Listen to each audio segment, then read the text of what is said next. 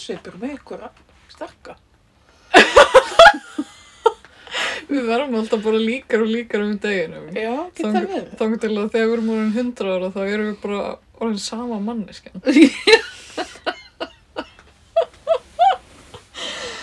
Þeir eru góða aften. Já, góðan daginn. Gleðilegt ár. Já, svona síðbúinn áramóti kveðja. Gleðilegt hár. Já, sumir leiðis.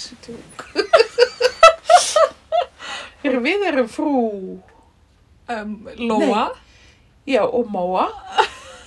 og við erum frú Barnaby. Uh, og þetta er fyrsti þátturinn 2022. Í fymtu seríu, Já, fyrsti þátturinn í 50 serju. það er talað um það á netinu að fymta seríu sé besta seríu. Já, ég hef heyrt þetta. Fólk hefur allavega getið sér til um það. Já. Um, undirtitillin á þessum þætti er Who'd have thought? Hverjum hefði nú dottið það í hug? Já, að, já, ymmi, það er alveg rétt. Hver er þið dóttið það í huga? Að, já, við myndum vera bladra í sífellu Já, á öldum ljósvakans. vorum við ekki eitthvað að reikna út að við værum að fara að gera þáttnúmer, þú veist, 50 eða eitthvað. Ég held ekki, ekki strax. Eða, eða var það 40? Mm, það ekki. Æ, ég man nú ekki alveg hvernig þetta var, en þeir eru orðnir ansi margir. Já, tölvöld margir. Þannig að Þetta er mikið efni sem er þann úti, Já, sem við skiljum eftir sem við getum aldrei tekið aftur. Jú, mögulega. Eða? Ég veit ekki, hann, hann hann að Sölvi, hann tók allt út. Já, Þannig að kannski, kannski þegar einhver grefur upp eitthvað úr fortíð okkar, þá neyðust við þess að eyða þessu öllu. emitt. Kemur bara í ljósa við erum hræðilega manneskjur, með hræðilega skoðanir. Já, mér finnst það mjög ólíklegt. Nei, tjók. En eh, sko, já, það, mér finnst, núna finnst mér allir svolítið svona vera að rífast í samfélaginu. Já, Mér finnst það svona, þannig að það er kannski svolítið auðvelt að móðka fólk með skoðunum sínum. já, það er allavega eitt sem víst er.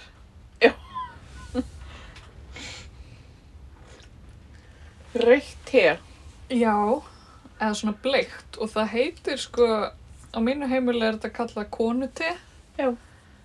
Um, en ég kefti það ekki þess vegna. Ég byrjaði að drekka svona hibiskus-te þegar við vorum út í Afríku.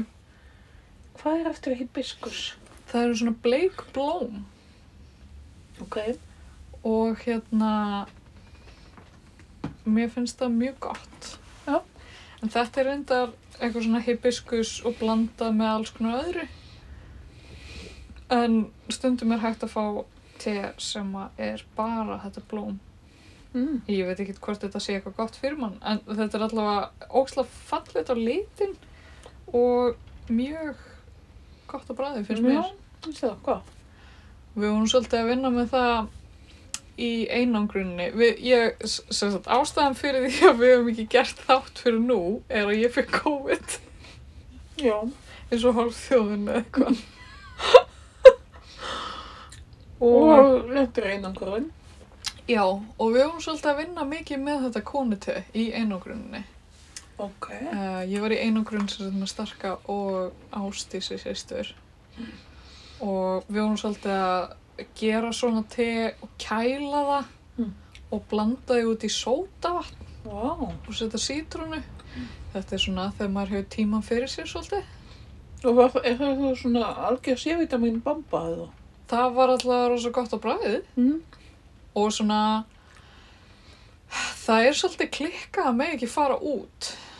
Og var þetta eitthvað sem að þið verið að spá í að láta Kára vita af þessu te? Já, ég allavega varð eiginlega ekkert veik.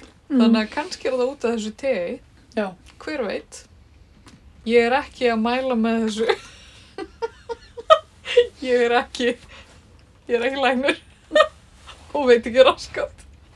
Ekki Já, svolítið klikkað með ekki fara út. Er Já. það ekki? Jú, það var eiginlega, sko, ég var ekki með eiginlega engjanni af COVID en, hérna, en eftir viku inni þá vorum við öll orðin bara svolítið ruggluð og mikluð Já. einhvern veginn, af því maður má ekki fara út, maður má ekki fara í göngutúr. Þú veist, maður færi eiginlega enga hreyfingu að því að vera bara inni í íbúð. Nei. og þú veist, rosa lítið einhvern veginn svona ferskt loft, við vorum eitthvað svona stundum að grínast og þá fórum við út á svalir og hérna löppuðum smá ring eitthvað svona og ég og Ástís vorum eitthvað svona líka oft að grínast að við varum að fara í göngutúr og fórum í göngutúr um íbúðina. Einu sinni hljópuðu þrjá, þrjá ringi í kringum íbúðina, það var mjög skemmtilegt. Og þú veist, þá fóru út í alla króka og kima og þú veist, út á svalir kringum eldhúsið inn í herbyggi til okkar framkvæðrúmunu inn á baðherbyggi, út á baðherbygginu Vá. Þannig að sko já stuttasagan er að við gerðum ekki mikið vitlegt Nú lærðu þið ekki kynversku og, og á víólu. Nei, eh, ég gerir skattskýsluna mína, Vá. já, í januar. Það er nú alveg nóg. Mm. Ég var nokkuð annað með mig, Já. eða þú veist, ég gerði hann ekki, en ég tók saman öll gögnin fyrir endurskoðanda minn. Mm. Þannig að þetta er kannski ekkert voðalega impressive. En, já, uh, svo voru við bara aðalega að horfa á ógeðslega lélega myndir. Já. Bara allan tíman. Tóltum mikið. Mm. Við horfum til dæmis á 90s, 2000 uh, Star Wars myndirnar. Já, með annan Nangi Alla. Já, þær eru átakanlega liðlegar. Já. Mm. Mér svo, svo, ég var svo hrifin af prinsessunni. Já, hún er nefnilega eina eila í þessu sem Mm. er cool, sko. Mm. En, já, ég veit það ekki, við, þú veist, við starki, já, Ástís náttúrulega líka, eh, þú veist, við erum 90s börn og við vorum krakkar þegar þetta var að koma út og maður svona hjælt. En ég hafði svona þessa tilfinningu um að, þú veist, þetta væru svona ekkert sérstakamyndir, en að það myndi vera svona smá nostalgía fyrir mann að horfa á, þú veist, að því maður sá þetta sem krakki og svo kannski að myndirnar fengi full slæmt, þú veist, rap Já. einhvern veginn. Og svo vorum við bara að horfa á þetta og þetta er bara alveg algjör skelving. Mm. Það er bara, þetta er illa skrifað, illa leikið. Svo er bara líka á þessu tímabili þá er eitthvað svona að vera að byrja að tölvu að gera hluti. Já, já, já. Og það er eins og rosa mikið að myndum frá þessu tímabili missa sig bara í því að tölvu gera hluti. Já, já. Og það einhvern veginn gleymist bara að hafa eitthvað í myndunum. Mm. Það er bara, það er ekkert, þú veist, það er ekki áhugaður díalógu milli karaktera, það er ekki, þú veist, skemmtileg karaktersköpun, eitthvað svona. Þannig að þetta er svona eitthvað sem að, sem að ég er búin að vera að gera. En, en hins vegar þegar maður er búin að horfa á mikið af slæmumyndum, þá er mjög skemmtilegt að horfa á góðar og, og jáfnvel bara svona miðlungsgóðar myndir. Já, þær verða þá svona rosalega góðar. Já, bara svona í samanbyrðan. Mm. Ok.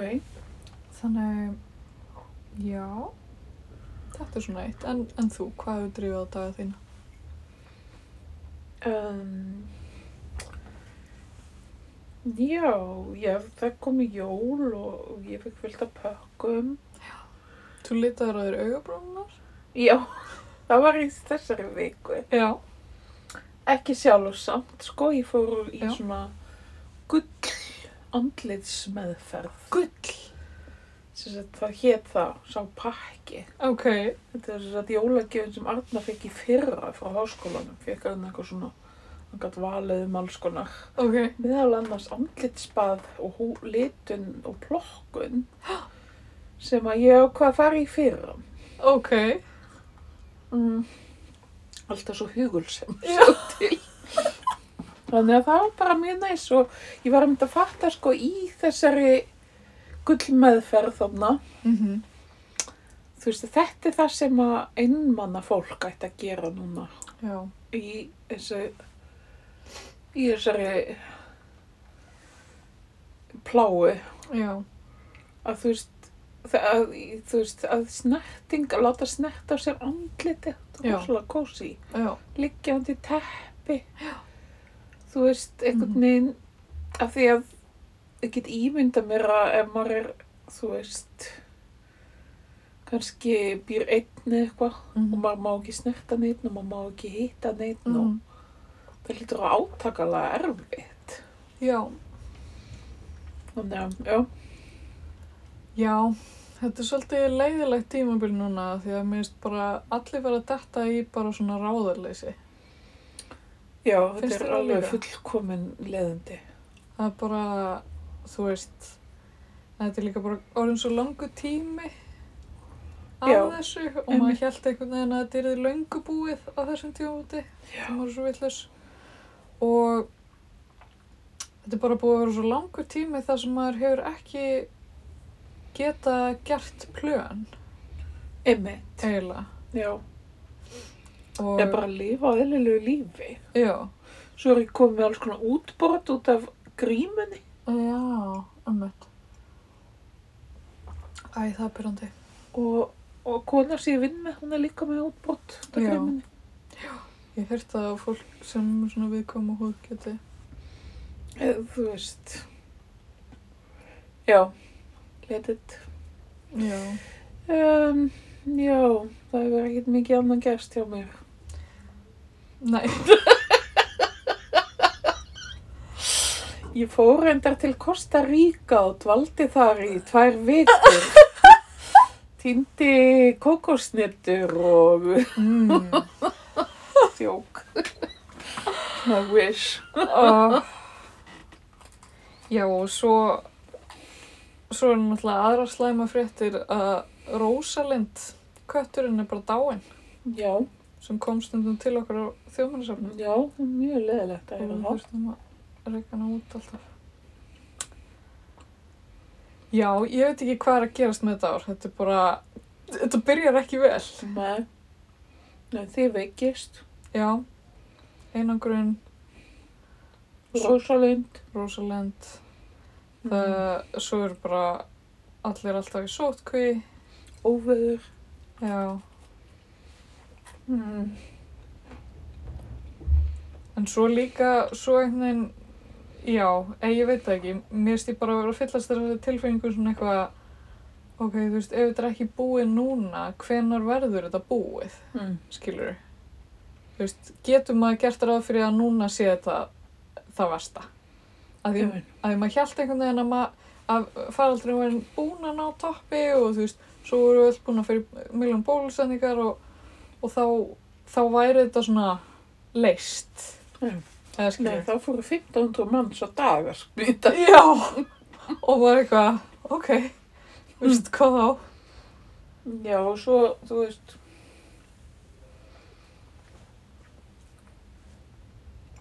já, æ, freka gleytið þetta eitthvað. Já. En, Æ, maður kannski bara nennir ekki einu svona að tala um þetta lengur. Æ, ég nei, ekki. segð mér. En þetta ár verður á rottunar Gat verið. í kýmverska og það, ég held að það sé sko tólið gott. Ó, Ég nefnilega hitti nokkra vini okkar í sundhöllinu aðan já, og við vorum svolítið að tala um þetta. Uh, hann Mattias Rúnar, mm. góðvinnur frú Barnaby og Jóna Hlíf, einnig góðvinnur frú Barnaby. já, Við vorum að ræða þetta. Ég held að googla þetta. Af því þetta er velvuð þátturinn, þið veitir það. já, við spá, spáum fyrir um hvaða hörmungum við ætlum að. Og allt sem gerist á þessu ári, eh, við stjórnum því, Já, ég og þú. Já. Að ef að Nei, við gerum Nei, það ekki. Nei, við tökum ekki Við ábyrgð. ætlum ekki bara að taka ábyrð á neinu.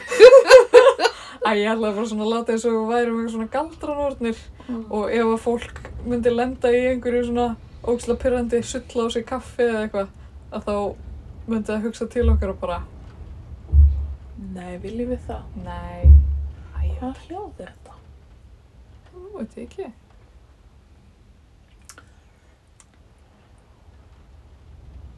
Rats are clever, quick thinkers, successful, but content with living a quiet and peaceful life. Já, þeir vilja svona hægleitis líf. Já. Rotturnar. Það er svo því. uh,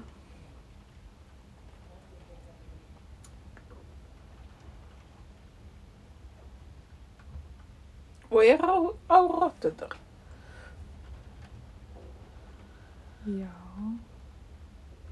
Ok, hérna er lucky things for rats. Ja, af því að þeir sem fæðast á ári róttunar eru með alls konar svona characteristics, Ok. segja kynverðarnir. Og góði litir fyrir róttur eru blár, gullitaður og græn, til dæmis. Það er góðu litir. Mm. Uh, hvað byrði, hvað, hvað árað þú fætt? ég er hani. Mm. Hvað ert þú? Elddreki. Já, ég er vasshani.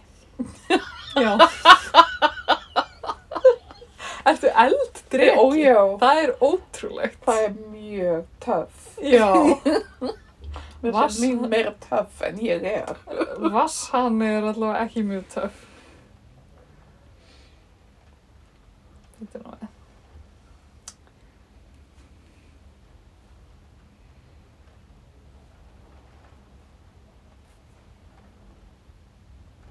Já, byrði síðasti þáttur og þá vorum við að baka smákökur fyrir jólun.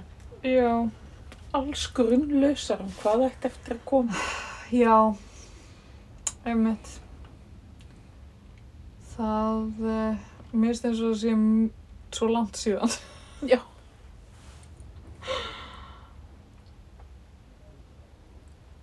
Mm. Já, við ætlum að spá fyrir í tarot spilum og hvað ætlum við að gera meira? Býtu, er ég kannski að ljúa? Er ekki á róttunar?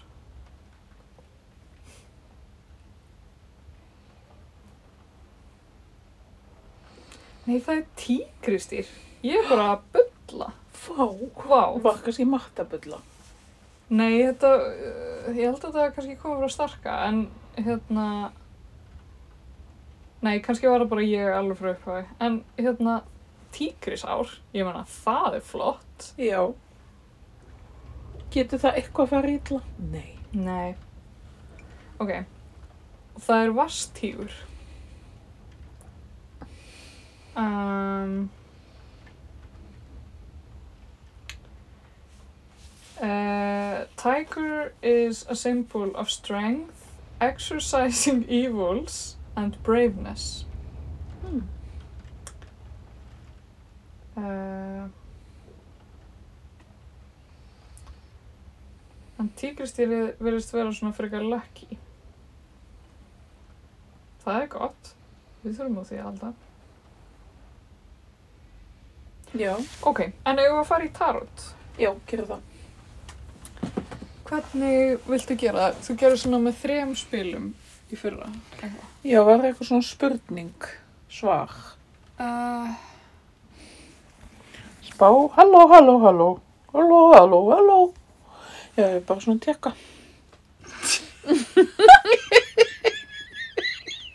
á hverju? Þú veist. Já, þetta var svona teknikonan það var bara þess að skipta sér af. Smá æfing.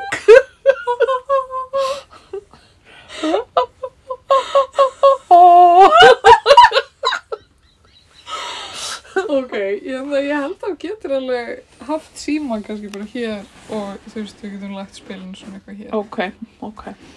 Sko. Já, það er spurningin með, En erum við ekki bara að spá fyrir hlustendum já, og þjóðinni allri? já. Við tökum, spurningin er bara svona hvernig verður þetta á? Já, ok. Og Svona við skiptumst bara á að, að taka spil. Ok. Þannig að ég tek kannski hérna fyrsta. Og þú ert, dregur hérna upp Black Magic dolluna þína sem að ég manna eftir frá því fyrra. Hvað er þetta? Hál nú upp og svo, já þú mútt taka líka síðasta. Ok. Já. Já, þetta er nú bara mjög svo svona bjart yfir þessu. Ok, Það er sem sagt hérna um, við erum með riddara. Knight of Wands, Rittara, Prikarittaran. Vanda Rittara. Og svo hvað er þetta? Það eru svona Þetta eru fimm, hérna peningar, eða svona fimm gull. gullpenningar. peningar. Og svo eru þrýr Hérna goblets. cups. Cups. Cups, en þeir eru á kvolfi. Já, já, við skulum ekki vera of mikið að lesa neitt í það, sko. Ekki? Nei, nei, Ok. ekki þetta skipti. Við þurfum alltaf það bjart sinni sem við getum Já, fengið. sko alltaf í gamla dag þegar mamma spá fyrir mér og ég hef örgulega sagt þetta síðast líka. og það var eitthvað umjöðmuleg spá, það bara, æ, drögu bara nýspil. Finnst það svo gott? Hérna, sko, hérna, Knight of Wands, Rittarinn. rittarinn, það er svona metnaður, ferð, svona metnaður, þetta er ferðin, þetta er einhvers konar þróun, advancement, þetta er okay. framþróun. Ok. Þetta er eitthvað í læknavísundunum þá. Já, ég myndi segja hérna, man confronted by problems, hard labor or success. You will receive a letter from abroad that will make you happy. Þetta segir okkur það að Þórólfur fái bref frá útlöndum og bara þetta fer að vera búið. Ég ekki segja það bara. Já. Ég myndi halda það Endurinn er í, í nánd. í auksín. Hérna, ok, five of coins. Gott, a lover brings ruin. Kanski, en sko, í mínu persónulega lífi, þá veit ég ekki hvort að ástmaður minn kannski smitaði mig með COVID. Já, já, eftir að meina að það geti endur speklað það. Já, ég bara, það Já. er náttúrulega margir sem eru að smita ástvini, sko. Já. Ok, þetta er ekki alveg nóg jákvæmt spil hérna, samt skríti af því að mér finnst alltaf peningarnir vera frekar jákvæður. Já, ok. En þetta er eitthvað svona...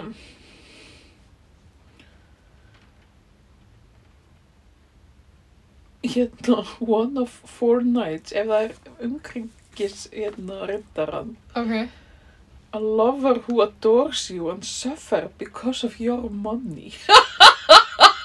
ok. Þannig að, já, ok, við kannski týnum bara eitthvað annað spil á eftir og þess.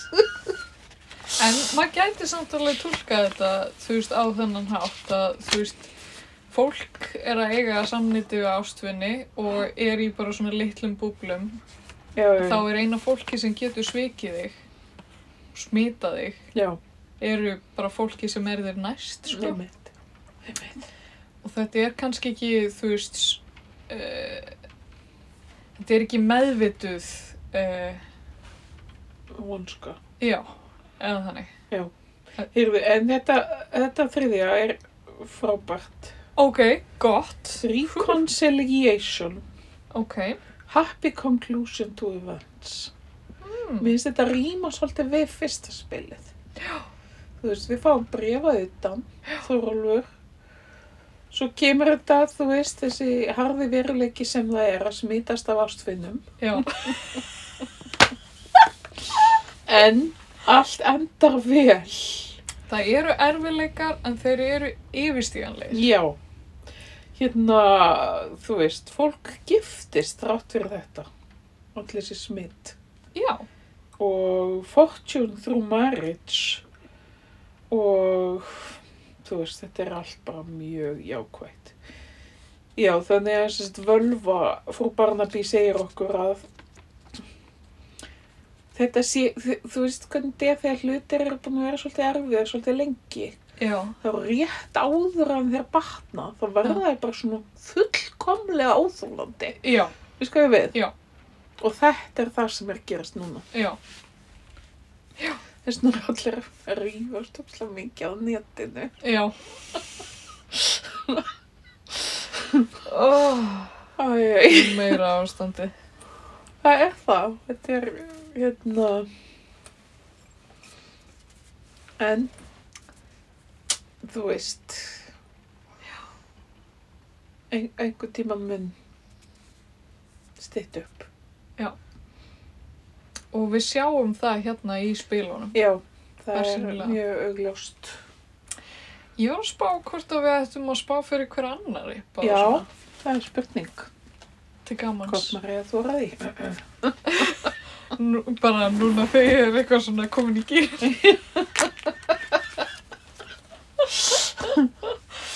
Hvað ætli sé handan við hotnið? Já, Er það hávaksinn dökkur, ókunnur? Býtu, hvað á ég að gera? taka hérna helmingin og setja Ok. undir. Ok. Svona, já. Mhm. Ok. Uh, og ég byrja á að spá fyrir þér. eða? Ok, og þá get ég svona aðeins uh, eftir mig fyrir þegar ég er að fara að spá fyrir þér. Það tekur rúslega miklu okk frá. Bara Já. svo vitur. Já, Nei. ég veit það. Það er svona gott hvað við erum mikið nammi hérna. Já. Judgment. Úlala, mamma mía, ok. Oh my god, ok, ég ætla aðeins að lýsa þessu tarotspili. Það er svona engill sem er, það er eins og sem er stóran lúður og sé að spúa eldi yfir þrjár manneskjur. Já, já, ok. Það er svona eitthvað, Þetta er kannski það sem að þið ert búin að gangi gegn. já, ég gæti best trúa því. Já. Og svo kemur, byrju, þetta er eitthvað svona, Þetta eru vöndir, eða prigg. já, þetta eru prikin 6. Já. Um, og svo er það, heyrðu það eru fjó, fjögur svona glös. Já. Four of Cups, ok. Já. Það, það þarf grill að vaða eld og brennistein til þess að fá listamandalaun. Já, mér sýnst það. Þetta fólk sem er verið að spúa eldi er allavega mjög óhafmyggjusum. Mm, já, ok. Þetta er ná ekki endilega svo hræðilegt, sko. Ok, Dynamism, enthusiasm, inspiration, liberation, modification, revival. ok, exaltation, unforeseen events, instability. ok. Er eitthvað óvænt? Það er eitthvað óvænt. Ok, spennandi. Um, þessi, þetta spil er ymitt, fjallar um þetta óvænta Ok, og new letter, new friendship encounters. Eitthvað sem kemur óvart. Ok. Það kom svolítið óvart að hún skildi smitast. Í það kom virkilega óvart. Um, uh, liberating people from hardship and cares she also due to blah blah blah freedom in career and future plans Já, um, judgment gives its subjects the opportunity to love all that is beautiful and sincere ok. Uh, já, beneficial to moving, departures. Þetta er sem sagt eitthvað skonar umbreyting. Já, það þarf einmitt alls ekkert að vera slæm. Ok, Eitthvað óvænt umbreyting. ok. Mjög spennandi. Já. Uh, og náttúrulega breytingar er geta verið erfið það er ekkert endilega slæmar, sko. Ok, já. Guð, ég byrja bara spennt. Er Eftir þetta ekki vendir, eða hvað er þetta? Jú, Þetta er ekki swords. ég veit ekki. Þetta eru svolítið eins og einhverju svona, einhverju svona spjót. Já. Þetta er swords. Nei, wands, minn ég. Mm, já, það er einhver svona óákveðni. Ok. Um,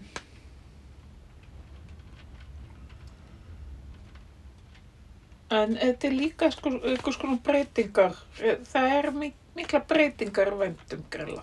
Það er svona grunnurinn. Hvað voðalega? Þú veist, það er, þú þurfa að gangi gegnum eitthvað óvænt og breytingar og svo er, það er svona grunnurinn í þessu, sko. En ég sé ekkert neikvægt í rauninni, sko. Ekki grunninn, sko. Mér langar ekkert í voðalega miklar breytingar. Nei, nei. Nei, sko, lífið er breytingar, auðvitað.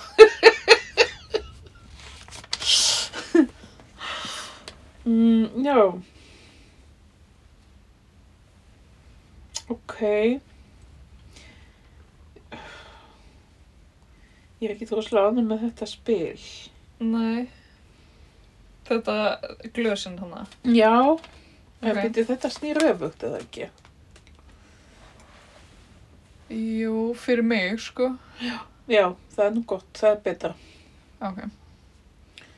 Það er, þú veist, það er einhvers konar ströng, nei ströng, strong, meina ég, vináta hana. Ok. Já, og eitthvað svona, eitthvað gott sem hlýst af þessari vináttu. Ok. Það er gott. Sýnst þér hérna einhver eldri vinkona þinn? Ó, ég ætla að fara að grínast eitthvað svona. Það er svona vera sem er eins og kemur syndandi úr hafinu eins og Sæljó.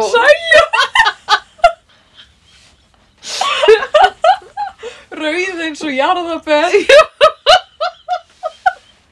Hún hefur mjög góð áhrif á allar þessar breytingar. Það, það er mikla breytingaskeið sem er. Já. Ég segi bara, bara til hamingi.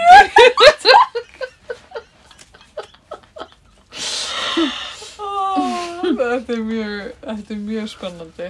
Hvað, hérna, varstu búin að gera þannig? Nei, ég þarf að gera það. Ok.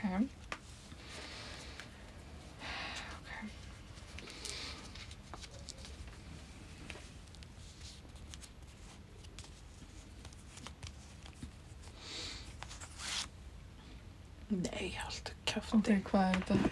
Er að fá þitt spil. Á, þannig að príkin. Þið er líka tilvili. Ok. Þú- Ok. Þú ert með fleiri prík en ég, sant? Já. Þetta er ekki Og þessi er með prík líka. Þess- Þetta er eitthvað svona... Þetta er eitthvað maður með prík. Page of Wands. Er þetta kannski swords? Það er fákvar að þetta sjá þetta í þess að skoða.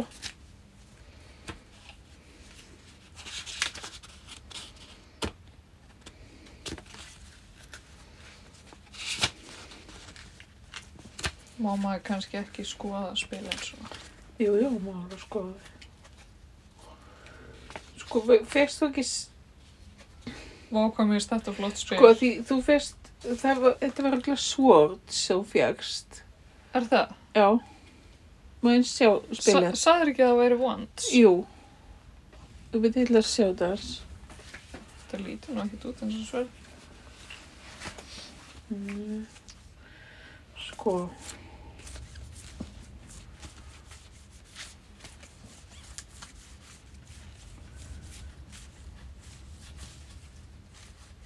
Hvað- Já, svordin er svona. Nei, þetta var wands, alveg svo þú sagðir. Já. Svordin er svona. Já, þau eru svona sveið. Eða því, þú veist, þetta er ekkert mjög ábyrrandi. Nei, mér finnst þetta skrítið. Smá. Þetta er, þetta er bara þessi gamla típa, sko. Hérna er flott prík. Kartamundi. Nú. Það er líka flott hérna Wheel of Fortune. Já. Það er flott spil. Það er nefnilega ekkert neikvægt, sko, eins og fólk haldur alltaf. Hér, já, ok. Ok, heyrðu, og þú ert með fleiri prik Já. heldur en ég. Þetta er sjön af prigg. Hvað hérna...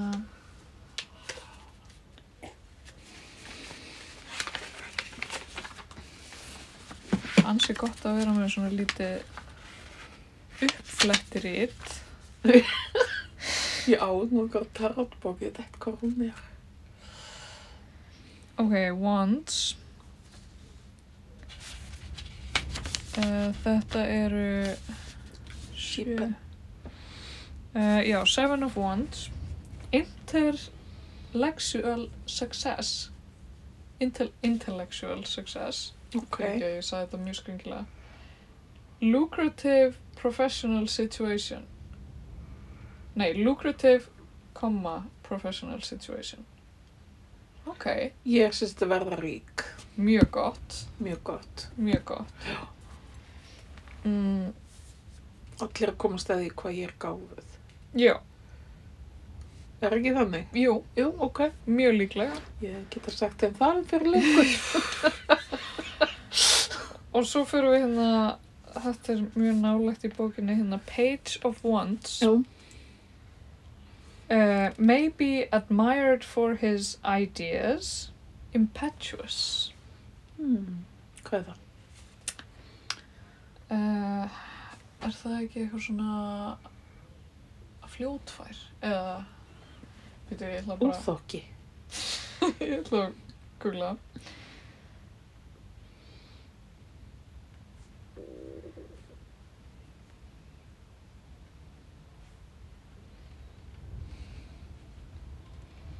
Hvatvís. Já. Já, svona fljóðfær, hvatvís. Um, hann er upright fyrir þig, þannig það þýðir support, power and protection. Ok. Someone wants to unite you. Nei, unti... Nei, unite you. Já, ok. Sameina þig. Hvernig á einhver að sameina þig? Ég veit það ekki. Þetta er einhver sem er samt svona ágæti jákvæður vera. Já, þetta, þetta er einhver svona vendar Já. engill, Ok. þessi, Tekur því. með, með prikið. Já. Ég veit það ekki, ég, þetta er bara svona. Ég þykk það. Já, hann passar upp á þig. Já. Uh, og ef það ætlar einhver að vera leiðileg við þig, þá er hann með þetta prik og, þú veist, sjö önnur til þess að berja frá sér. Því að það er ekkert alltaf nóga að, hérna, að vera næs. Býtu, svo er þetta hérna þrýr Peninga. peningar. Uh, stability, efforts rewarded. Oh my god. Vá, Þetta hvað er er svo gott. jákvæð spá. Þetta er rosalega gott. Þetta er bara svona... Já. Það er alltaf uppleið Já. hérna. Já. Og þú ert með hjálpamann, það er success, það er stability og það er einhver sem, sem sér virðið þitt og hvað þú hefur að leggja mikið á þig. Um, Já, ég þarf ekki að gera draga ný spil eftir þetta. þú ert kannski að passa þig samt á þessu. A friend will borrow money from you. Ah. Auður, því miður. Ég, Ekki í þetta skipti. Herðu Hvað? Ég sem held að þú væri svo góður vinkonir frá því aðan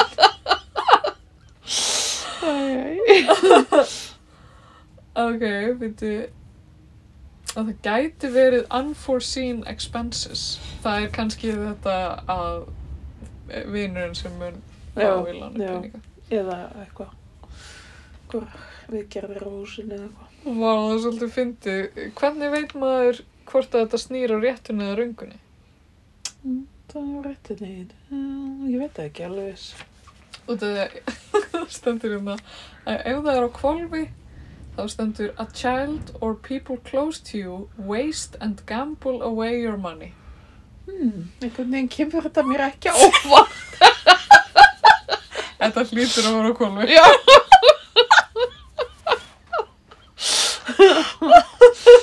sem, er, sem er ungir árum líta mig sem hraðbá.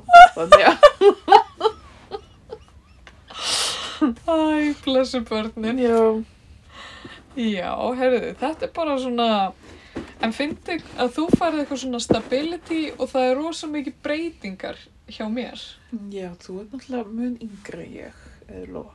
Já, en á það að skipta máli. Ég er aldur við Bjarnar Ben og hann er alltaf að tala um stöðuleika. Ó, guð. By the way, minn hvað mér búið að finna svo fyndið þess að fréttir af honum í fríi. Allir Já. ósla pyrraðir, hann sé í fríi. og svo kom eitthvað í greininni bara eitthvað, já, hérna, haft var samband við aðstofamann Bjarnar Ben sem sagði að Bjarni Ben væri í fríi. Svo kemur Bjarni Ben núna í dag. Já, mikið er notalegt að hugsa til þess að fólk sé að sakna mín. Oh my god.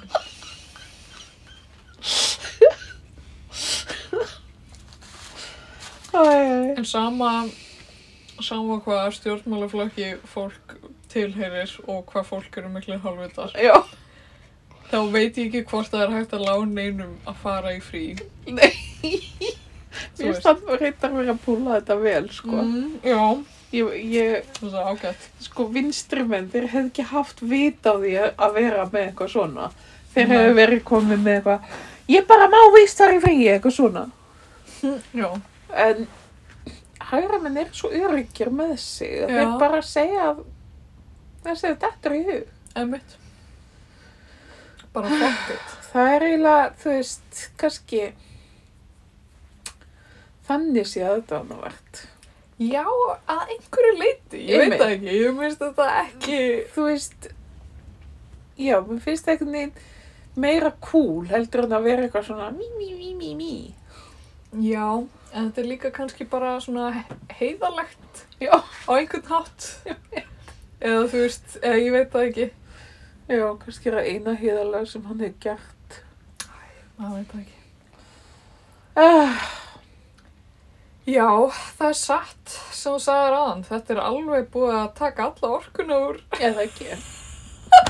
Ég er ekki grínast með þetta, Nú sko. er ég bara með svona hálfa heilastar sem er Já, gangi bara.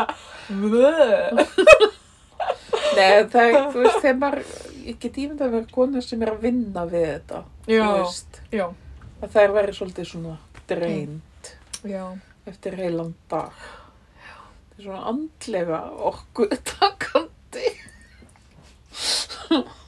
Veistu, í dag var ég að eiga eitthvað svona sérstaklega eitthvað svona orku lítinn dag. Eða þú veist, þú veist, stundum er maður bara að gera venjulega hluti en maður er bara eitthvað eitthvað eirðarlaus Já, já, eða já, eitthvað, er ekki, að- er ekki að meika hlutina.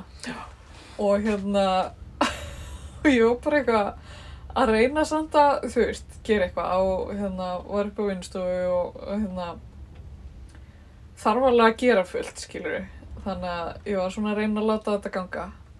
En ég fór inn í hús hjá mamma og pappa og hérna ákvað að taka mig smá pásu og hérna fá orkuna upp að einhverju leiti. Já. Og ég ætla að uppljóstra leyndamáli. Læðir þig. Nei, Ó, ó, ég hefði viljað það. já. En ég fór uh, inn í eldhús og mér langaði að fá mér eitthvað að borða. Og ég var svona ekki alveg búin að gera neina ráðstafanir en ég fór eitthvað svona róta í skápunni hjá þeim og fann Coco Puffs. Gull, gull. Og Hvernig er, getur að vera þessi til í skápunum hjá þeim? það er til. Og það er sko meira til sem að ég get vita af sinna. En hérna, En ég fekk mér smá kókubörs með mjölk og svo fór ég upp í sófa og set, settist undir teppi og borðaði kókubörs.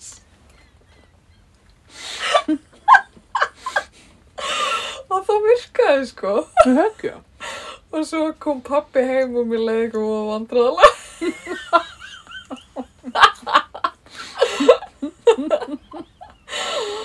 Ah, Eða ekki vandraðalega, ég var bara eitthvað, hvað er ég að gera? Hmm. Og þau liggja á Já, stassi. eins og ormar og gulli. Áhugavert. Við skulum ekki segja heimilsongið þeirra. Nei, fólk getur farið að ræna þig. Já. Já. Það var sko, ég veit ekki hvort ég hef sagt frá þessu áður í frú Barnaby en hérna, í minni barnasku eða svona þegar ég var unglingur í 108 þá voru mamma og pappi sko með hlaupaklúb Ó. sem var starfræktur á laugatöfum, Mm. laugatasmannum Mm. og hann hétt Kókapulsklúburinn Mm. og ég man ekki alveg hvernig þetta byrjaði en þetta var eitthvað svona grín með, ok, nú er ég líka hægt að segja einhverja svona fjölskyldusögur í þessu hlaðvarpu út af að mamma er alltaf að segja mér hvern, að þú veist, ég bara greinlega man ekkert rétt.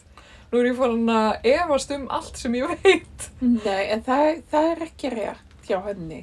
Vegna þess að þú veist að minnið er besti skáldsagnu höfund. Algjörlega, greinilega. Þannig að þú veist, að þú munir eitthvað öðruvís en hún, þýðir það ekki að það sé ránt hjá þér. Nei, þú- Kannski manum það bara öðruvísi. Nei, ég meina, of, oftast er þetta eitthvað svona sem gerðist, þú veist, þegar ég var bara lítil og var ekkert eitthvað að pæli af hverju hlutinni voru Einmitt, svona eitthvað svona og svona og ég hefur ekki bara búið mér til einhverja ástæður bara svona setna meir í hugunum eða eitthvað. Já. Þannig að ég bara lifi hamingjusamlega í líginni, Mm. greinlega, en hérna, en þetta var eitthvað svona dæmi sem byrjaði þannig að mamma og pappi uh, voru að fara út að hlaupa og Bjössi, bróðurinn og mömmu, var að fara út að hlaupa með þeim og svo voru þau alltaf að koma heim og borða kókopöss eftir að hafa verið út að hlaupa. Það er rosalega skrítið. eða, eða eitthvað svona, eða hvort þetta var eitthvað bara svona grín sem byrjaði eitthvað svona að við vorum út að hlaupa og þú veist, maður þarf að hlaupa svolítið mikið til þess að vera að fá einhverja alveg eitthvað svona hreyfing út úr því eða eitthvað, skilst mér, ég hef aldrei hlaupið í lífið minni en hérna, Takk fyrir það, auðlóa. það, þú veist, Ég, hlaup ég er svo þakklátt þess að það hlaupa allir í dag, það hlaupa allir. hlaup, Og hljóta þú að veist- leiðilegasta hreyfing Og það er allir bara eitthvað, já, ég hljóp, hérna, ég hljóp yfir landið og ég hljóp í kringum landið og ég hljóp bladi bladi, 25 ringi, ég vaknaði hljópa 6 í morgun, hljóp 25 ringi og ég er, svo er alltaf að segja manni frá þessu og er að reyna að segja og ég er betri manneskja en þú. já, Af því ég hleyp svo mikið út um allt. já, Bara, sorry kids, þið er ekki betri en ég. Nei. og svo er líka, sko, langar mig að koma með umræðina að það hendar bara ekkert öllum að hlaupa. Nei, enga veginn. Og sérstaklega fólk sem er ekki mikið búið að vera að hreyfa sig, sem fer svo yfir í að hlaupa, hlaupa, hlaupa, mér finnst ég alltaf vera að hlera samtöl í pottinum. Já. Það sem það er einhver sem er bara búin að hlaupa, hlaupa, hlaupa og svo ægi, ég lendi í hnjámeðslum eða öklameðslum og maður er eitthvað, já, það er bara ekkert skrítið Nei, mitt. út af því að ef þú ert að hlaupa á auðmíkjars fótunniðinum sem hafa aldrei gert neitt, þá, þú veist, þá eru liðirni bara ekkert kannski í eitthvað voðalega góðu stuði til þess að láta hjakka á sér í marga klukkutíma á viku. Þú veist, fólk þarf líka alveg þú veist, ef það ætlar að vera að hlaupa allt þetta, þá verður það líka að vera að gera eitthvað annað með því, held ég. Já, já. Svo, þú veist, það er bara, já, þetta hendur ekki öllum. En það sem er kannski vest, það sem er umfram allt, þetta gerir fólk ekki siðferðslega af betri manneski. Nei. Og þessi smokkaklæðnaður, hann er ekki flottur. Það. please. hætti að gangi í smokkum. Oh, já. Já, það er svolítið, svolítið erfitt svona, eða mér finnst ég eiga svona erfitt samband við svona heilsurækt út að þú veist, öll umræða um heilsu snýst svo mikið um að vera fitt og flottur. Þegar þetta ætti, þú veist, ég er náttúrulega bara að segja eitthvað sem að miljón manns hafa sagt aður, en þú veist, þetta ánáttúrulega að vera um að manni líði vel Emmitt. og maður á að vera að gera þú veist stundi einhverja hreyfingu sem að henda manni og sem að gefa manni þá meiri orku í að gera það sem maður vill vera að gera Já. og svo, svo það maður líka að finna sér hreyfingu sem manni finnst skemmtilega eins og eitthvað, synda eða blaka eða eitthvað, eða ég veit ekki Emmitt. þannig Skák. netskrafl Lestur. oh, já þannig að já, Já. Þetta er svona eitthvað Svona er þetta bara. Svona er lífið. Já, en hvað er að frétta af kongafólkinu okkar? Erum við býðum nú við. Býðum nú við. Býðum nú við. Býðum nú við. Díinu hornið. Sko. ok, fyrsta lagi. Shit is going down. Ó já, Andrew. Þú veist, Motherfucker. vá.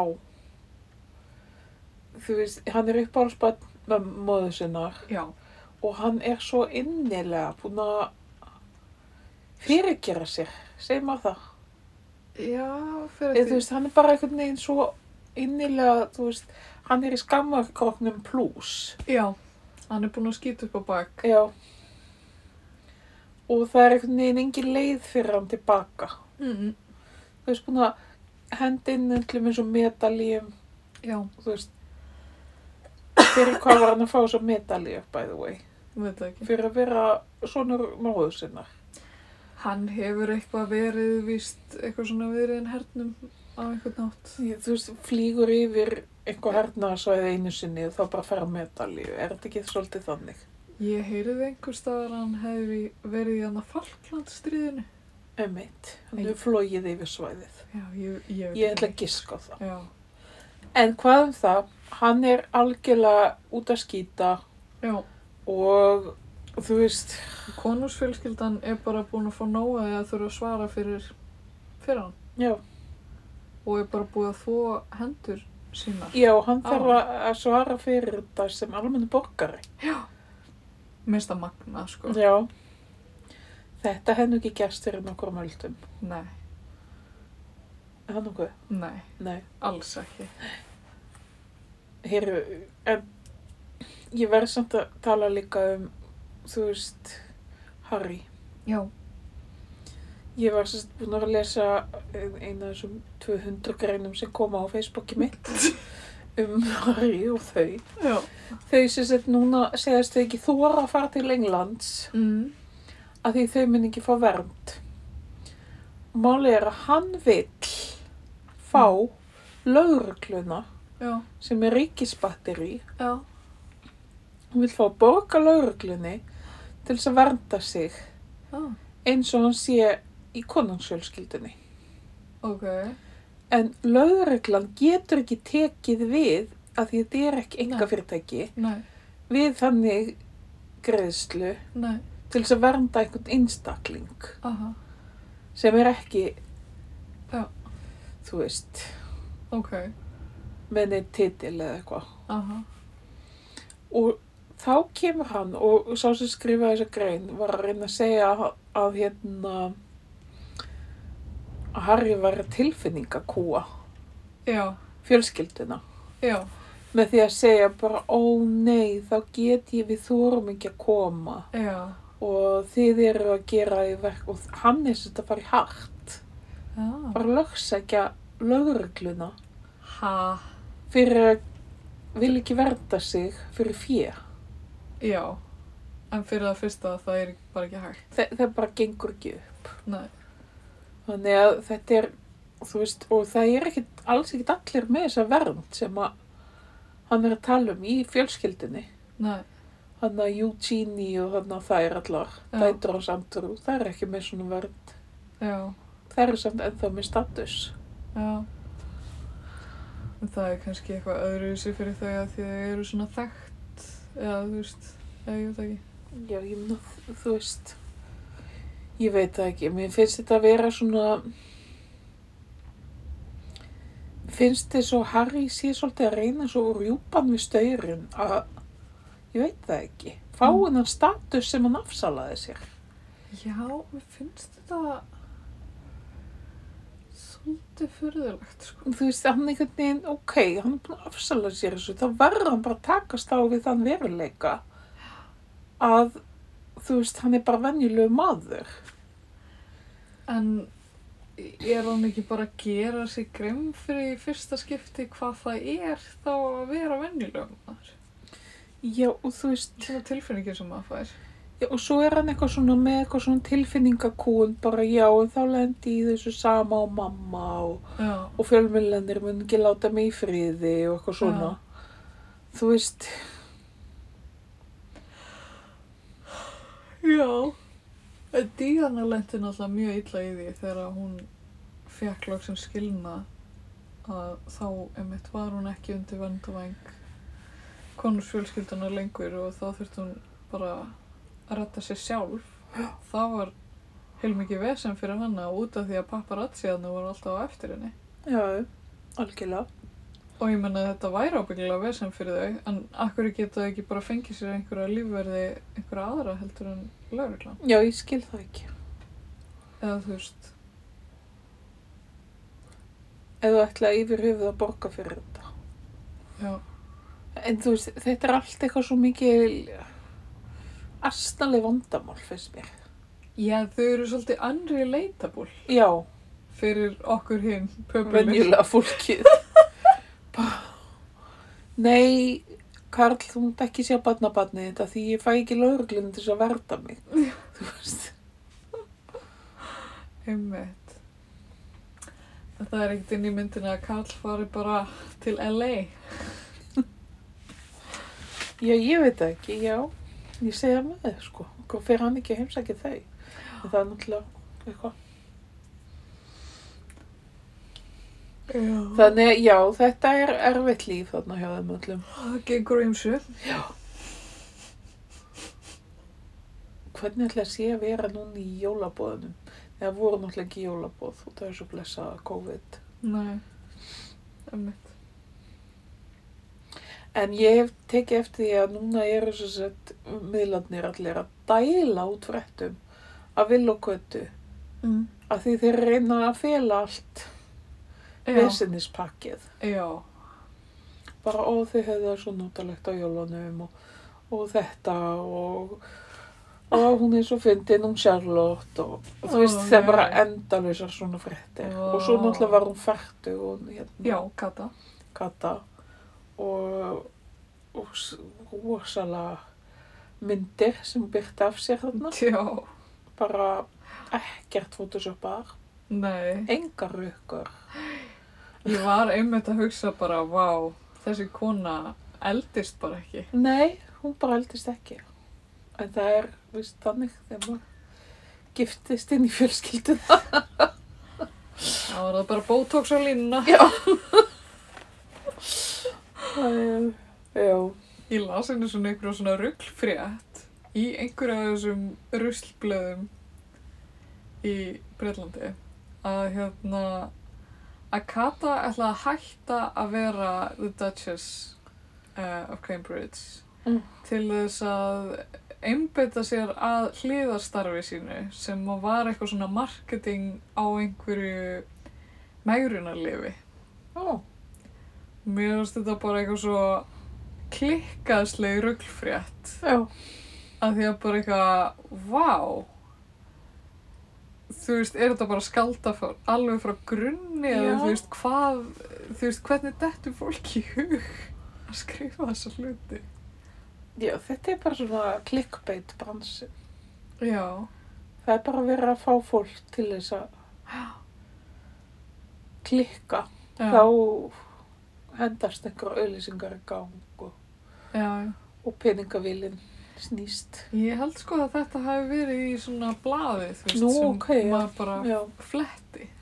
já fletti klikkbeit. Já, flett, flettbeit. Ó, guð.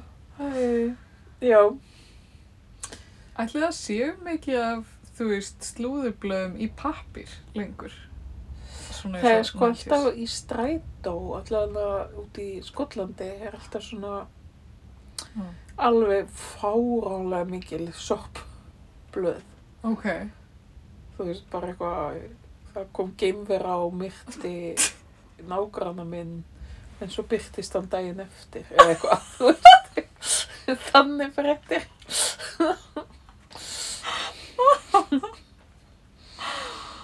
Vá, ég elskaði smá að lesa svona blöð þegar ég var krakki. Já, Svona eins og séð og heyrt og eitthvað.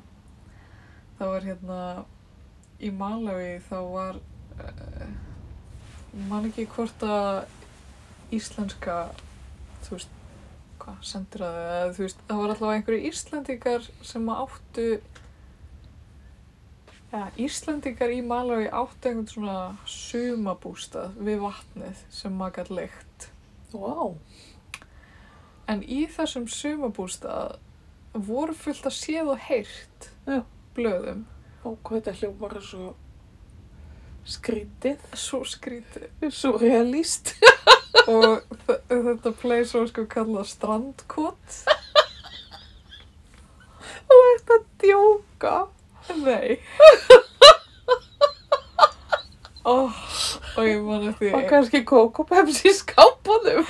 ábyggilega, nei ábyggilega ekki út af að maurarnir væri auðvitað búin að borða það fyrir hundra árum.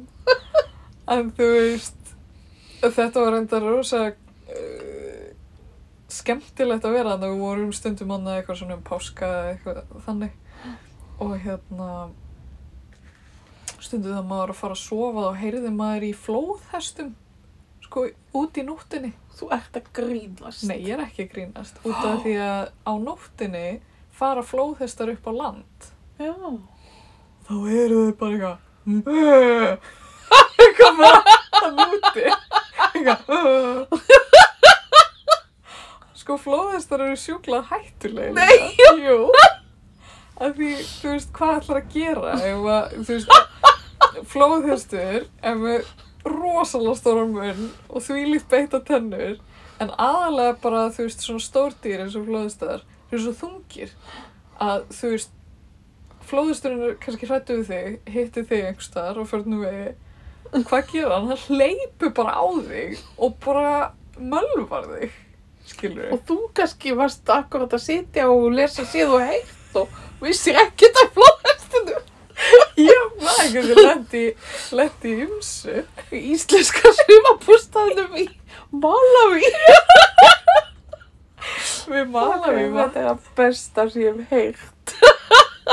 En ég man bara ennþá eftir nokkrum sögum sem að ég las, þú veist, í þessu eitthvað svona séð og heyrt í strandkoti. Það var hann Í einhver strandkoti. Það var bara einhver ung stelpa sem hefði lent í hrottalegu einelti eða eitthvað Wow. og við verið eitthvað barinn óbóta eða eitthvað og veist maður eitthvað bara, Ó.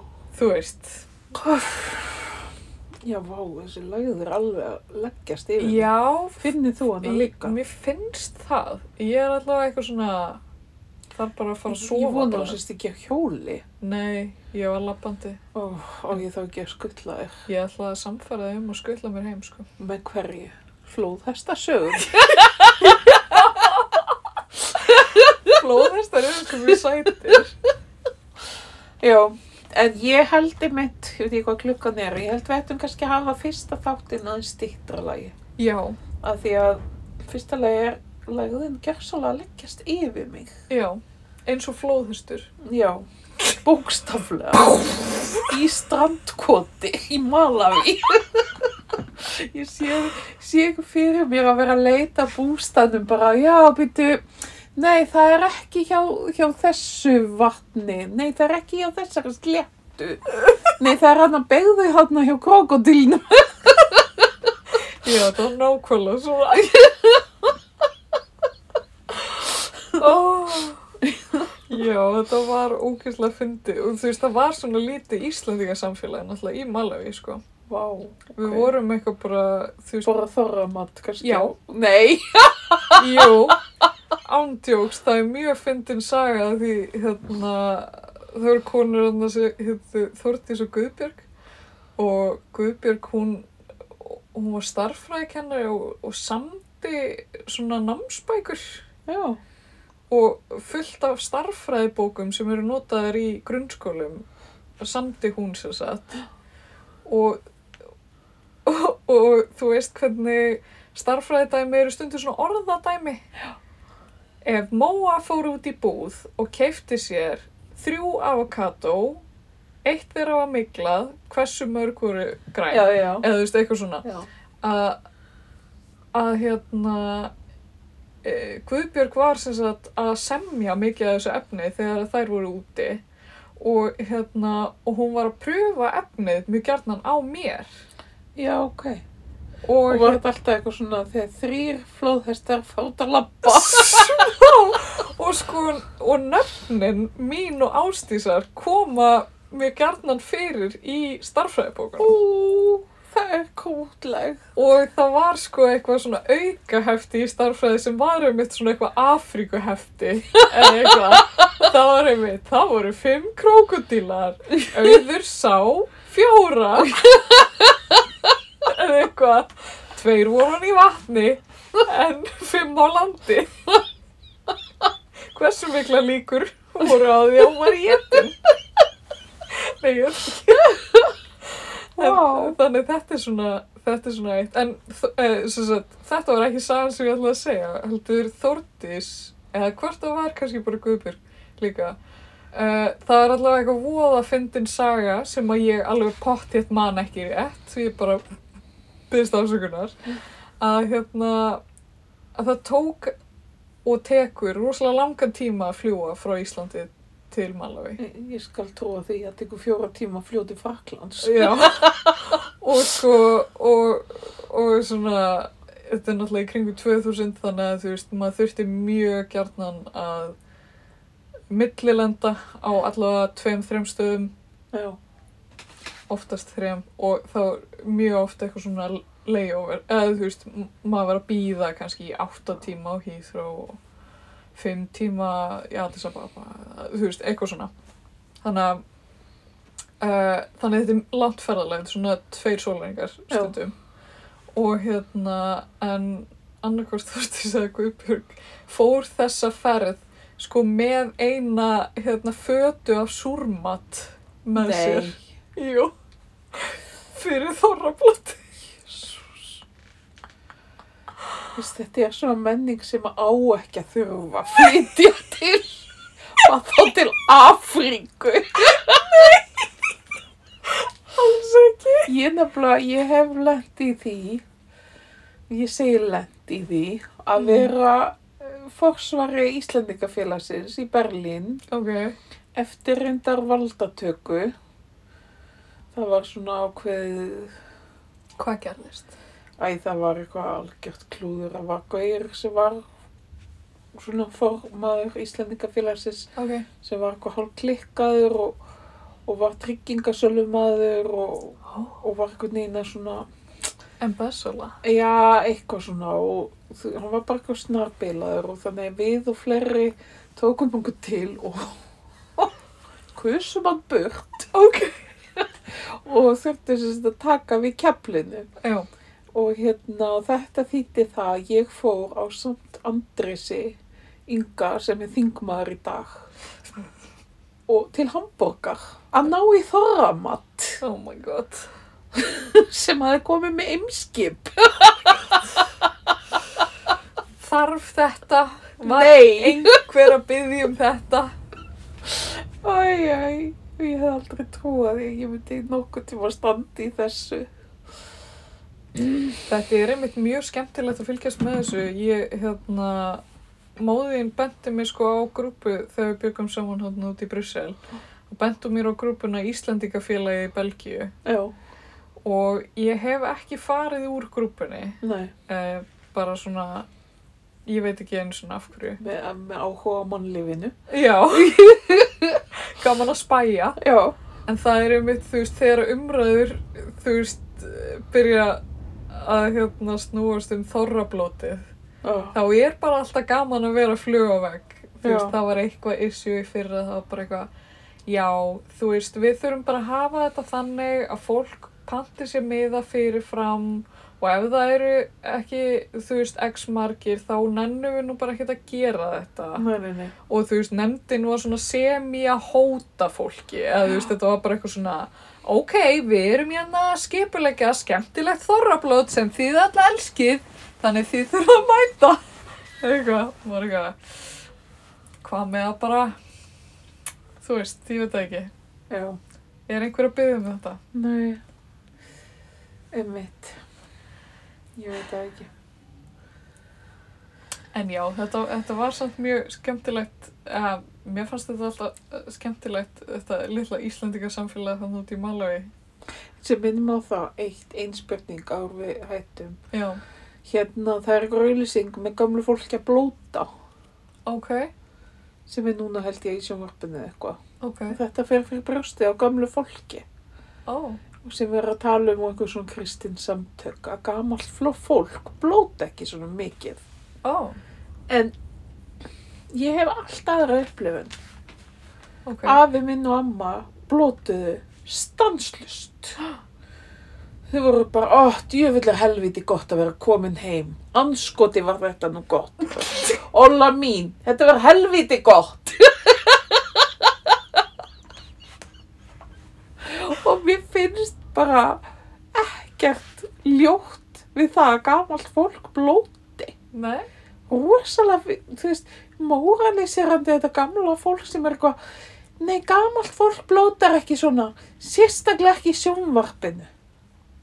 það er nefnilega það sem gleymist í umræðinu er að gamalt fólk er bara fólk Já. sem er orðið gamalt Ég veit. þetta er ekki, þú veist, þjóðfélagshópur Ég veit. Eða, eða þú veist, svona sem mangjar það er ekki hægt að segja, þú veist eins og þegar ég var að vinna á ellimilega þá fannst mér ofta eitthvað svona, þá er ekki gaman að vinna með gömlu fólki, eða þú veist að því gamalt fólk sé svo viturt og eða skemmtilegt eða eitthvað, og maður er eitthvað jú, en þú veist, sumt gamalt fólk eru bara dicks, skilur og hafa kannski bara alltaf verið það. Veit. og þú veist, og ég er ekkert að segja að það sé eitthvað verra að vera eitthvað að hjúkra þeim eða þú veist, það leðlar fyrir mig en þú veist, þegar alveg jafn ekki rétt á að vera ömuleg og annað fólk skilur bara, bara út af því að maður er gamall þýðir ekkert að maður þurfa að verða einhver lítil krútsprengja Nei, ég veit. þú veist, ég að vera, eftir að vera neitt rosalega skemmtilegt gamalmenni eða ég veit ekki, ekki. þú veist, ég verði Þú ekkert fætt, fætt gömul. en kannski kannski fer ég á gelgjuna þá skilur hver Já. veit Það er bara að vera alltaf út jamminu. já, Það verður gott. Ég samt sé ekki fyrir mér að þú getur orðið leiðileg hvort sem þú ert gömul eða eitthvað. æ, takk Bara, Oh, einn, einn staður þar sem að gamalt fólk, eða tveir staðir, mér langar að skjóta þess að það er á hættum. Tveir staðir þar sem að gamalt fólk er að njóta sín hvað mest já, í uh, ástandinu Já. í dag. Já. Það er gamaldags matur á Facebook, er það grúpa? já, Ok. og skemmtileg íslensk orð, Ok, á Facebook. já, Facebook er eiginlega bara orðið elli heimili. eiginlega það hérna það var um daginn á hvað, er það skemmtileg íslensk orð eða gömul íslensk orð? Það er allavega eitthvað svona íslensk orð. Það var eitthvað um daginn eitthvað kannast einhver við að maður segist vera tussulegur þegar maður er veikur? Og svo er svo gaman við gamalt fólk að í staðin fyrir að sjá hvort að einhver annar hefur sagt það sem þú ert að fara að segja þá segir það bara, já, já, þú veist, þú bara kommenta bara þannig að svona, Mér finnst það líka á eiga við sko fólk á mínum aldri. alveg. Það er alveg bara, já, rauður, rauður, rauður, rauður, rauður, rauður, rauður. Þú veist, 20 komment. já, Það sem að fólk gætt bara sagt raukt eða hvít. já, Og það þurfa allir að kommenta það. Hvað er það? já. Og svo líka bara eins og þetta með orðið tussulegur. Já. Eða tussuleg. Og það var bara eitthvað svona, já, nei, já, nei. Ertu ekki að meina tuskulegur? Ég held þú sért að meina tuskulegur. Já, nei, já, nei, nei, já. Og maður er eitthvað bara, fyrir hvernig er þetta? Ég veit það ekki. Var mjög lífleg umræða líka á gamaldags íslensku matur. Já. Það sem á maður sem að spyr eh, Hvað finnst ykkur um að fiskibólur kosti 2 og 6 kílóið? Wow. Já, það var það sem sömur sögðu Já. og það var bara eitthvað svona 50% af fólki svaraði spurningunni og var eitthvað Já, mér finnst það svolítið dýrt djöfull er allt dýrt á Íslandi Nei, það er ekkert dýrt af því fólk þarf að búa til fiskibólur og kaupa Anskoti er þetta eitthvað. dýrt. Það var nokkur, gam, nokkur gammalmenni sagt. Jú, einmitt. Og svo var eitthvað, ah, ég þarf eiginlega að finna þetta, það voru svo ógæðslega fyndin komment við þetta, af því svo er líka gamalt fólk sem kommentar við pósta, komment sem að, þú veist, og, og kannski er þetta nú einmanna fólk og sérstaklega á þessum tímum, Já. en hérna, kommenta bara eitthvað sem kemur málinu bara eiginlega ekkert við. Og það er svo fyndið og mér finnst það eiginlega það skemmtilegasta. Og, og hérna er einn sem segir já, hérna er það. Þegar ég var unglingur þá vann ég á veitingastað sem seldi rækjusamlokur. Helmingurinn af rækjunum voru fiskibólur í dós samlokurnar rók seldust broskar Svínið. bara eitthvað, ok, Mikið það rækja á þeim. bara, wow, Komast upp um svik um síðir. já, Ég vil vita hvaða staður þetta var. já, ég er einmitt bara eitthvað, Var þetta London eða Hessingarskálin? rækst. Ég og pappi erum stundum að senda hverju skjáskot sko að þessu síðu og hérna, við höfum tólti gána þessu, en pappi sendi mér líka um daginn, gamaldars matur. Hérna, hvernig býr maður til frámas? Oh, Og svo segir einhver, googlar og finnur uppskrift og svo er einhver sem að svarar, ertu á móti mannlegum samskiptum? Svo svarar enn annar, mér finnst reyndar magnað að þú kallir eitthvað kommentakerfi á Facebook mannleg samskipti. Svo er einhver enn annar sem segir, ok.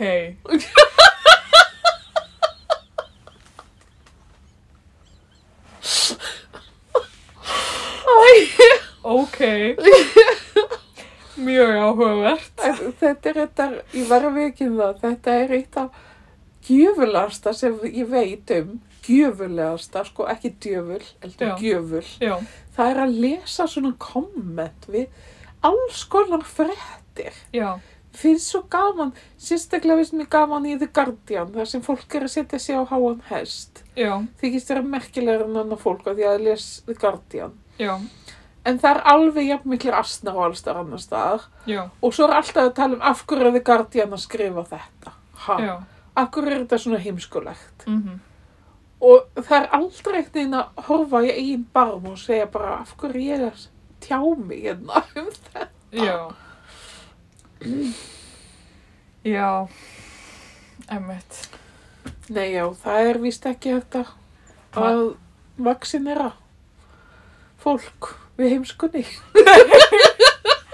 Ég held að, þú veist, besta meðalið sé að vita að við og, og þú veist, ég er alveg jafn mikill hálfviti og næsti maður Já. og maður kannski bara er ekkert voðalega klár. Að þú veist, kannski, kannski er það bara besta Já, já. og vera ekkert að vera eitthvað kommenta. Já. Sleppa ég bara kommenta. Ah, ég var sko, ég var að reyna að finna aðra færslu á gammaldags matur sem að var svo fyndin. En hérna, ég finn hann ekki, það var einhver kona sem sagði, eh, og já, og það er svo gaman að lesa í svona, af því að þú stundum er eitthvað, greinilega liggur eitthvað á baki sem maður, maður er ekki að fá alla söguna, af því Já. þetta er bara svona stuttur status, þetta er svona eins og einhver svona ör ljóð Já. einhver og maður svona þarf svolítið að geta í eyðurnar en það var einhver kona sem sagði eh, langar svo að gera mér svona eða, eða hafið þið heyrt um eh, svona skyr með ávöxtum eh, sem maður blandaði saman við eitthvað eða, eða var það apjumjólk eða var kannski egg út í hinu? Bara eitthvað svona algjör orðasúpa. Eitthvað. Mundi spurja móður mína en get það því miður ekki. Af því þetta var greinilega eitthvað, eitthvað svona úr hennar æsku sem Já, hún já. hefði fengið og var að reyna svona muna aftur eitthvað bragð. já. Úr barnæskunni Og svo svo fyndi að það er ekki einu sinni búið að forma hugsunina nei, áður en að byrja að skrifa. Þetta er bara Já. svona ósjálfur á það skrif. já, þetta er bara eitthvað svona mjög svona Ég er hérna í andaklasi, það er mamma, mamma, hvernig var þetta? Skýr, skýr apjumjólk ávextir, blandað. Var egg út í þessu eða hinnu? Mamma, heyrir í mér? Þetta var þetta ógæslega skemmtilegt að fara svona miðursfund. Hvað var það sem þú settir alltaf í lagtertuna? Þetta er það sem fólk er að tala um. Þe, þú veist þessi, að þessi kommentakerfi eru bara eins og miðilsfund. Afi. Nei, já. En það var, ég var með að vera að tala um miðilsfundin að blafi mig. Já, Og þetta er alveg makkadað, það er hægt að fara einhvern svona miðelsfund. Það sem að manneskjan umbreytist í einhvern. Ó. Og, og sem sagt, vinnufélagi mín hafi farið á miðelsfund og konan sem var miðillinn fór í einhvern svona trans já. og allt í einu var hún orðin asísk og augun voru orðin svona, Og þú veist, skásett og hérna breytist hún í andlutinu eða var hún að gera þetta? Nei, hún breyttist í andlitinu og, og þú veist, það einhvern veginn breyttist röddinn og, og svona. Vá, það er mjög skrítið. Og hún hafi farið á þennan miðsfund á þarna hjá Sálaránsóknarfélaginu. Vá. Hefur þú farið á svona? Nei, það er kannski eitthvað sem maður ætti að gera. Ég þórið ekki samt, Æ, en kannski. En þurfum við ekki að fara að segja þetta er gott? jú, kannski við förum bara að gera það. Heyrðu, við erum bara komin í venjulega lengt. Þetta er allt svo. Já, það er alltaf hægt að tala. Einmitt. Heyrðu, ég var svona semi búin að velja lag Ok. fyrir okkur. Ok. Ekki nema að þú sért með eitthvað óska. Nei. Ég nefnilega var að kynnast artista sem að ég er svo ótrúlega hrifin af þessa dagana. Ok. Ég er rosalega mikið að hlusta á hana. En hún var samt að taka upp bara in the 50s. Mm. Og hún heitir Connie Converse. Hefur Mm. hlustað á hana. Nei. Sorry. Nei, já, bara allt í lagi. Ég, mér finnst hún bara svo ógeðslega skemmtileg. Hún kom upp á einhverju, einhverjum, einhverju mixi hjá okkur á Spotify og svo fórum við eitthvað að skoða hana. Og þetta hefur verið alveg mögnu kona. Og það er að hún, hún er, hún er eiginlega bara eina af þeim fyrstu sem að tala um sem svona singer-songwriter eða svona eins og Bob Dylan, svona þú veist, bara manneskja sem samdi texta og lög og spila á gítar eða þannig, svona, og er að segja svona einhverja svona svolítið sögur. Svona trúbador. Já, já, svona eiginlega trúbadur, Ok. einmitt. Og náttúrulega byggir á blues hefðinni og allt það, en, en hérna, en hún var bara eitthvað að vinna sem rítari einhverju, hjá einhverju blaði og var eitthvað svona kannski eitthvað tæp á geði, mögulega lesbía, nema þetta er mál fyrir Barnaby að hérna hún var bara, hún var sagt bara að skrifa ógeðslega fallega tónlist og taka hana upp bara eitthvað svona í gríni með Já.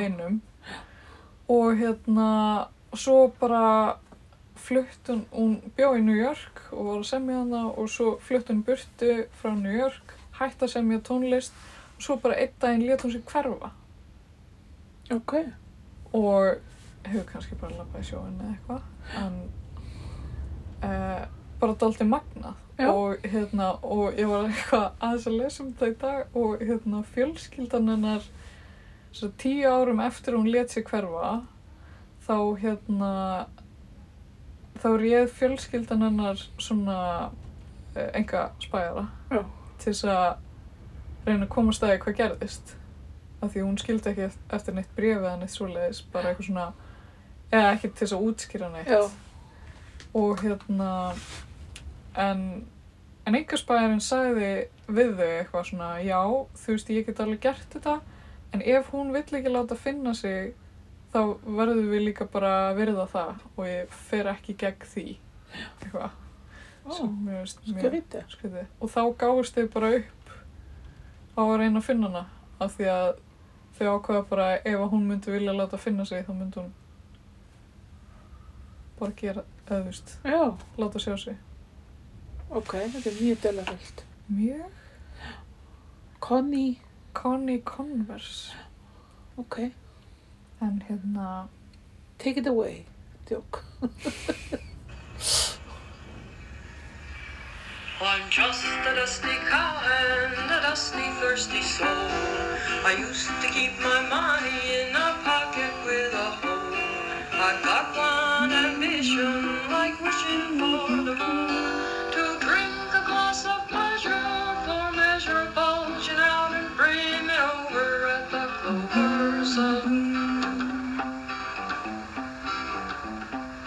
Er